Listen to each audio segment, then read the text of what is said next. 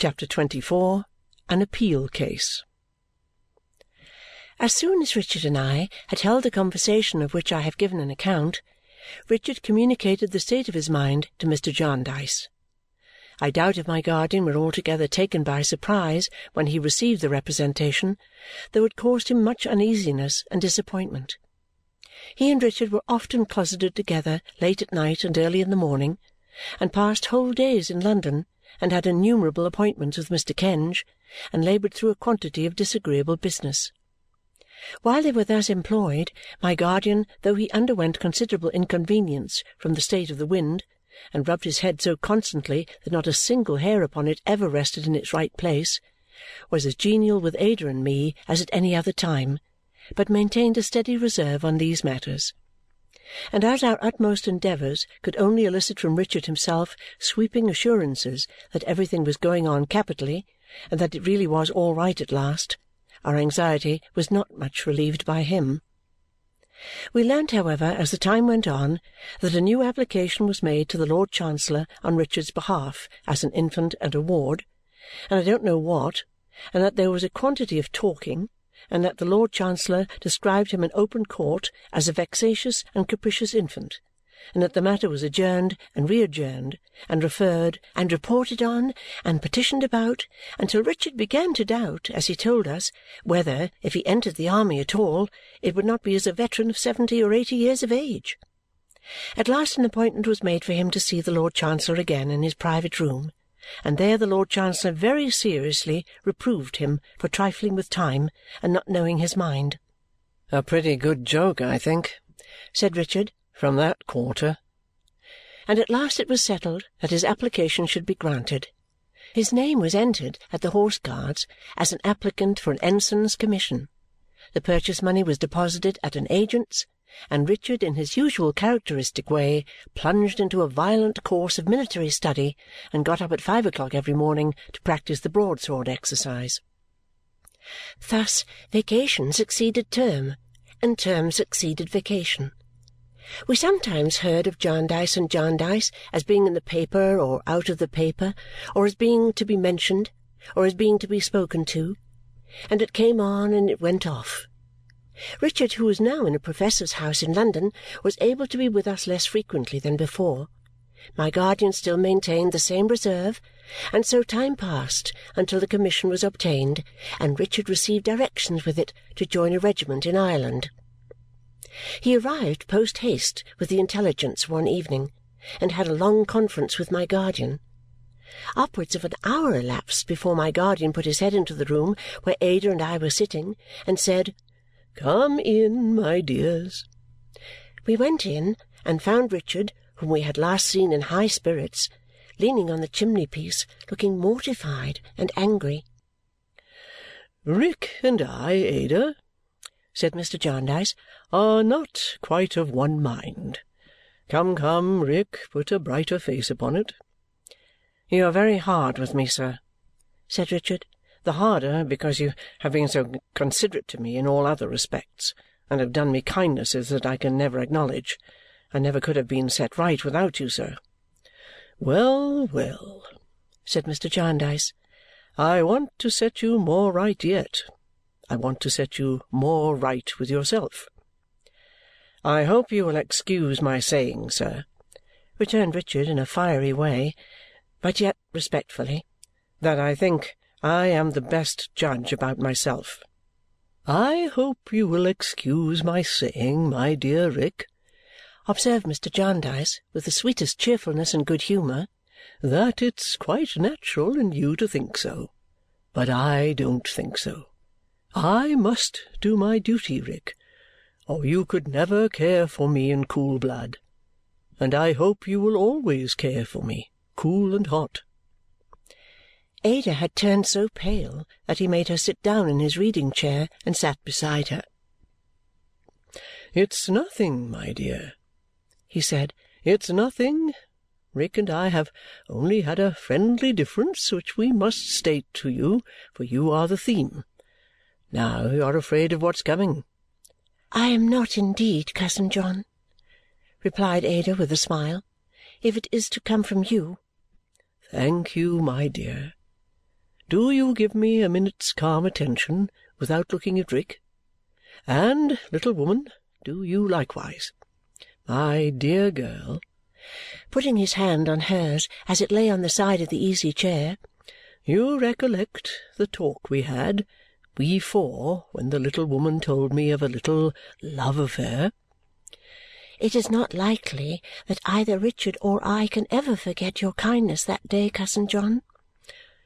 I can never forget it, said Richard. And I can never forget it, said Ada. So much the easier what I have to say, and so much the easier for us to agree, returned my guardian, his face irradiated by the gentleness and honour of his heart.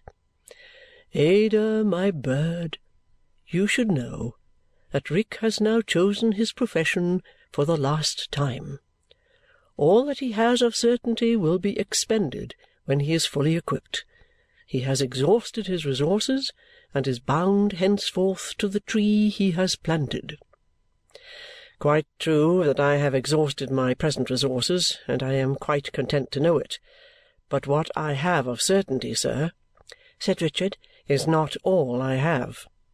Rick, Rick! cried my guardian with a sudden terror in his manner in an altered voice, and putting up his hands as if he would have stopped his ears.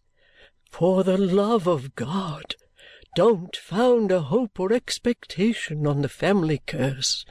Whatever you do on this side the grave, never give one lingering glance towards the horrible phantom that has haunted us so many years. Better to borrow, better to beg, better to die we were all startled by the fervour of this warning. Richard bit his lip and held his breath, and glanced at me as if he felt, and knew that I felt too, how much he needed it. "Ada, my dear," said Mr. Jarndyce, recovering his cheerfulness, "these are strong words of advice, but I live in Bleak House and have seen a sight here. Enough of that. All Richard had to start him in the race of life is ventured. I recommend to him and you, for his sake and your own, that he should depart from us with the understanding that there is no sort of contract between you. I must go further. I will be plain with you both. You were to confide freely in me, and I will confide freely in you. I ask you wholly to relinquish for the present any tie but your relationship. Better to say at once, sir, returned Richard, that you renounce all confidence in me and that you advise Ada to do the same. Better to say nothing of the sort, Rick, because I don't mean it. You think I have begun ill, sir, retorted Richard. I have. I know. How I hoped you would begin, and how go on, I told you when we spoke of these things last," said Mr. Jarndyce in a cordial and encouraging manner. "You have not made that beginning yet, but there is a time for all things, and yours is not gone by. Rather, it is just now fully come. Make a clear beginning altogether. You two, very young, my dears, are cousins. As yet, you are nothing more. What more may come must come of being worked out, Rick, and no sooner. You are very hard with me, sir, said Richard. Harder than I could have supposed you would be. My dear boy, said Mr. Jarndyce, I am harder with myself when I do anything that gives you pain. You have your remedy in your own hands. Ada, it is better for him that he should be free, and there should be no youthful engagement between you. Rick, it is better for her, much better. You owe it to her. Come, each of you will do what is best for the other, if not what is best for yourselves. Why is it best, sir? returned Richard hastily. It was not when we opened our hearts to you. You did not say so then. I have had experience since. I don't blame you, Rick, but I have had experience since. You mean of me, sir? Well, yes, of both of you. said Mr. Jarndyce kindly. The time is not come for your standing pledged to one another. It is not right, and I must not recognize it. Come, come, my young cousins, begin afresh. Bygones shall be bygones, and a new page turned for you to write your lives in. Richard gave an anxious glance at Ada, but said nothing. I have avoided saying one word to either of you, or to Esther, said Mr. Jarndyce, until now, in order that we might be open as the day and all on equal terms. I now affectionately advise, I now most earnestly entreat, you two to part as you came here. Leave all else to time, truth, and steadfastness. If you do otherwise, you will do wrong, and you will have made me do wrong in ever bringing you together. A long silence succeeded. Cousin Richard, said Ada, then raising her blue eyes tenderly to his face, after what our cousin John has said, I think no choice is left us. Your mind may be quite at ease about me, for you will leave me here under his care and will be sure that I can have nothing to wish for, quite sure if I guide myself by his advice. I I don't doubt, cousin Richard, said Ada, a little confused, that you are very fond of me, and I I don't think you will fall in love with anybody else but I should like you to consider well about it too, as I should like you to be in all things very happy. You may trust in me, cousin Richard.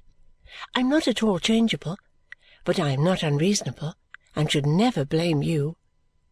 Even cousins may be sorry to part, and in truth I am very, very sorry, Richard, though I know it's for your welfare. I shall always think of you affectionately, and often talk of you with Esther, and and perhaps you will sometimes think a little of me, cousin Richard. So now, said Ada, going up to him and giving him her trembling hand, we are only cousins again, Richard, for the time perhaps, and I pray for a blessing on my dear cousin, wherever he goes. It was strange to me that Richard should not be able to forgive my guardian for entertaining the very same opinion of him which he himself had expressed of himself in much stronger terms to me. But it was certainly the case. I observed with great regret that from this hour he never was as free and open with Mr. Jarndyce as he had been before. He had every reason given him to be so, but he was not. And solely on his side an estrangement began to arise between them. In the business of preparation and equipment he soon lost himself and even his grief at parting from Ada, who remained in Hertfordshire while he, Mr. Jarndyce, and I went up to London for a week. He remembered her by fits and starts, even with bursts of tears, and at such times would confide to me the heaviest self-reproaches but in a few minutes he would recklessly conjure up some undefinable means by which they were both to be made rich and happy for ever and would become as gay as possible. It was a busy time, and I trotted about with him all day long, buying a variety of things of which he stood in need. Of the things he would have bought if he had been left to his own ways, I say nothing, he was perfectly confidential with me and often talked so sensibly and feelingly about his faults and his vigorous resolutions and dwelt so much upon the encouragement he derived from these conversations that I could never have been tired if I had tried. There used in that week to come backward and forward to our lodging to fence with Richard a person who had formerly been a cavalry soldier. He was a fine, bluff-looking man of a frank free bearing with whom Richard had practised for some months. I heard so much about him, not only from Richard, but from my guardian too, that I was purposely in the room with my work one morning after breakfast when he came in. "Good morning, Mr. George," said my guardian, who happened to be alone with me. "Mr. Carstone will be here directly. Meanwhile, Miss Summerson is very happy to see you, I know. Sit down." He sat down, a little disconcerted by my presence, I thought, and without looking at me drew his heavy sunburnt hand across and across his upper lip. "You are as punctual as the sun," said Mr. Jarndyce. "Military time, sir," he replied. Force of habit. A mere habit in me, sir. I am not at all business-like." "Yet you have a large establishment too, I am told," said Mr. Jarndyce. "Not much of one, sir. I keep a shooting gallery, but not much of a one." "And what kind of a shot and what kind of a swordsman do you make of Mr. Carstone?" said my guardian. "Uh, pretty good, sir," he replied, folding his arms about his broad chest and looking very large. If Mr. Carstone was to give his full mind to it, he would come out very good." "But he don't, I suppose?"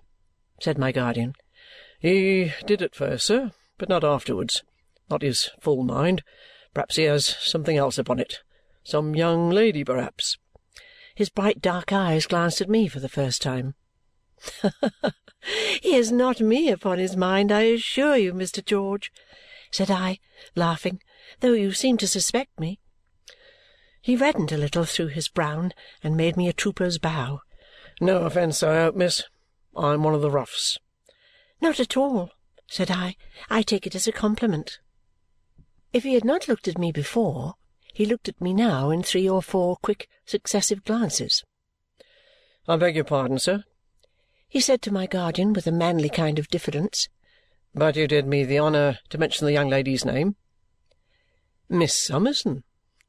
Miss Summerson," he repeated and looked at me again. "Do you know the name?" I asked. "No, miss. To my knowledge I never heard it. I thought I had seen you somewhere." "I think not," I returned, raising my head from my work to look at him. And there was something so genuine in his speech and manner that I was glad of the opportunity.